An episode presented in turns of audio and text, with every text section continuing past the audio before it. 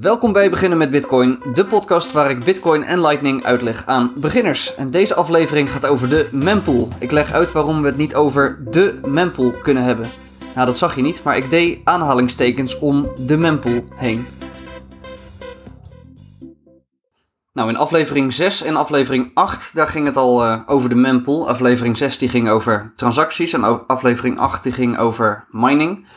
Um, nou ja, als je als gebruiker een transactie maakt, dan wordt die dus doorgestuurd naar de miners. En de mempool, dat is nou dat lijstje transactie die door de miners wordt bijgehouden. Nou, niet alleen door de miners, eigenlijk door iedere uh, deelnemer aan het netwerk met een node. Dus miners hebben een node en die gaan die mempool, die gaan die ook daadwerkelijk gebruiken om die transacties in een blok te zetten.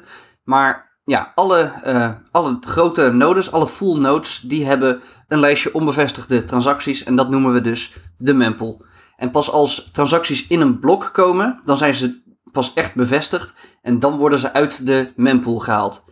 En die mempool, dat is dus een continu veranderend lijstje met onbevestigde transacties. Als jij zelf een full node draait, dan hou je standaard ook de mempool bij. Als je bijvoorbeeld de Bitcoin Core uh, software draait, dan hou je standaard maximaal 300 megabyte aan transacties bij, aan mempool bij. Nou, en er zijn vier redenen waarom we het niet kunnen hebben over de mempool. Nou, de eerste reden, dat is die 300 megabyte die ik noemde, dat is maar een voorbeeld. Dat is maar een, een standaard instelling van één implementatie, alleen van Bitcoin Core. Nou, die 300 megabyte, dat is ook een instelling, die kan je aanpassen. En verschillende nodesoftware die gebruiken andere limieten.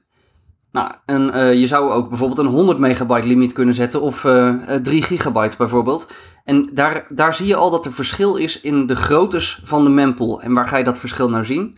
Nou, als het heel druk is op het netwerk en de mempool raakt vol, bijvoorbeeld die 300 megabyte, die raakt vol, dan worden de goedkoopste transacties worden eruit gegooid.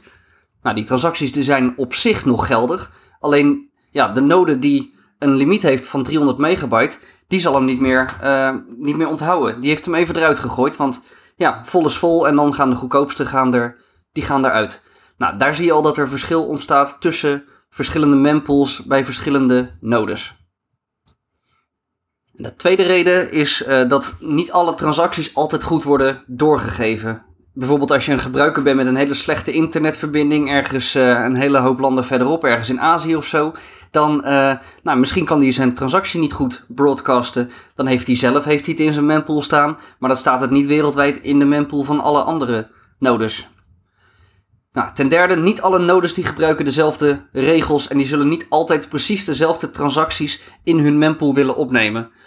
Als jij als node van jouw peers, dus van de, van de andere mensen in het netwerk, als je daar uh, de informatie krijgt over een nieuwe transactie, je hoort over een nieuwe transactie, dan gaat jouw node eerst zelf kijken van joh, ben ik het eens met deze transactie?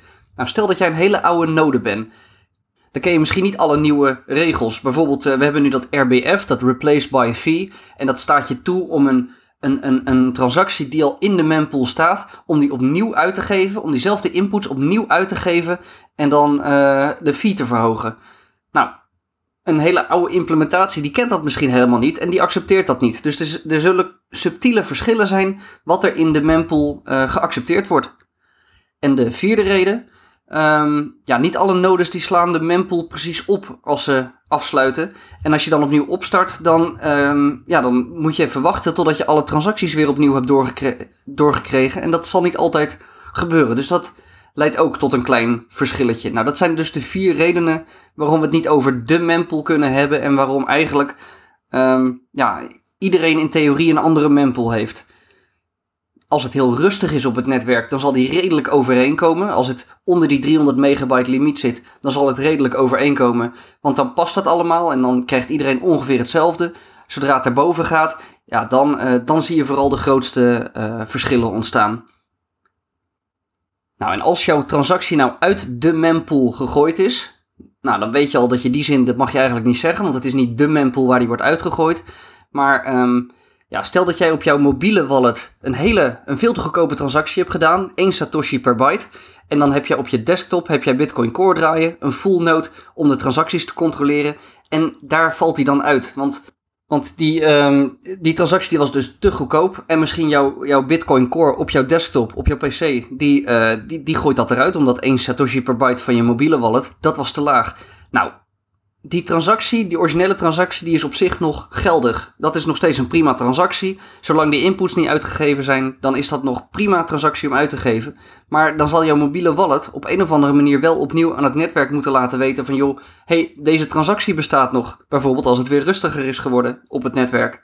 Nou, je mag die transactie, die mag je gewoon opnieuw het netwerk opsturen. En de meeste wallets die doen dat ook uh, automatisch. En dan, uh, dan komt hij opnieuw in de mempool.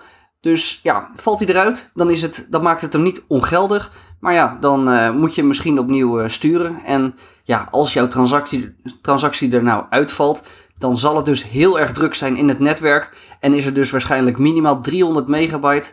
Dan zijn er 300 megabyte aan transacties voor jou, voordat jouw goedkope transactie er doorheen komt.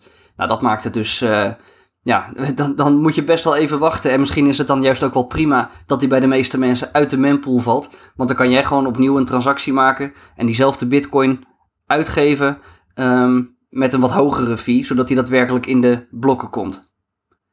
Nou, dat was het voor nu. Tot de volgende keer. Kom met je vragen op uh, Telegram. Die vind je via beginnenmetbitcoin.com.